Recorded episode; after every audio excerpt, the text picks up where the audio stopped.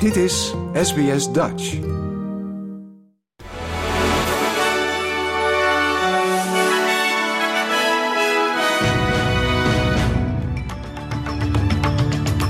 Dit is de SBS Nieuwsflits van woensdag 10 januari. Mijn naam is Paulien Roesink. In Victoria worden nog steeds dorpen bedreigd door overstromingen en de verwachting is dat binnen de komende 24 uur nog meer huizen onder water komen te staan.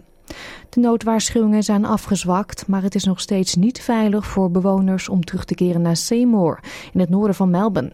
Hier zijn tenminste 20 huizen overstroomd. Ook in het zuidoosten van Queensland is er kans op overstromingen. Het Bureau of Meteorology heeft een gematigde overstromingswaarschuwing afgegeven voor de Peru River in het zuidwesten van de staat en ook voor de Barco, Bulu en Dawson rivieren. Voormalig minister van Arbeid Craig Emerson gaat leiding geven aan een nationaal onderzoek naar de Australische supermarktsector. In het onderzoek wordt de relatie onderzocht die supermarkten hebben met leveranciers en wordt er gekeken naar wat supermarkten aan leveranciers betalen en wat klanten moeten betalen voor hun boodschappen. Die kloof lijkt steeds groter te worden. De Amerikaanse minister van Buitenlandse Zaken Anthony Blinken dringt er bij de Israëlische leiders op aan om te voorkomen dat burgers het slachtoffer worden van de steeds heviger wordende conflicten in de Gazastrook. Blinken is voor de vierde keer op bezoek in het Midden-Oosten sinds de oorlog tussen Hamas en Israël op 7 oktober uitbrak.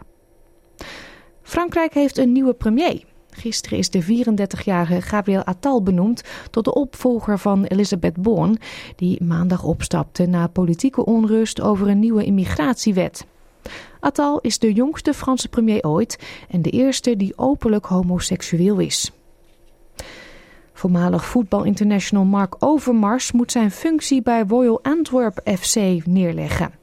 De technische directeur werd onlangs in Nederland door de ISR, het Instituut Sportrechtspraak, voor twee jaar geschorst, waarvan één jaar voorwaardelijk omdat hij in zijn tijd als directeur voetbalzaken bij Ajax het reglement seksuele intimidatie heeft overtreden. De FIFA neemt die schorsing nu wereldwijd over.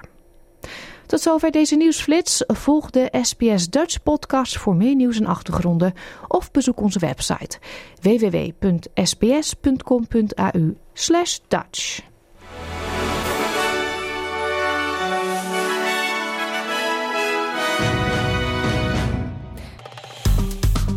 Like, deel, geef je reactie.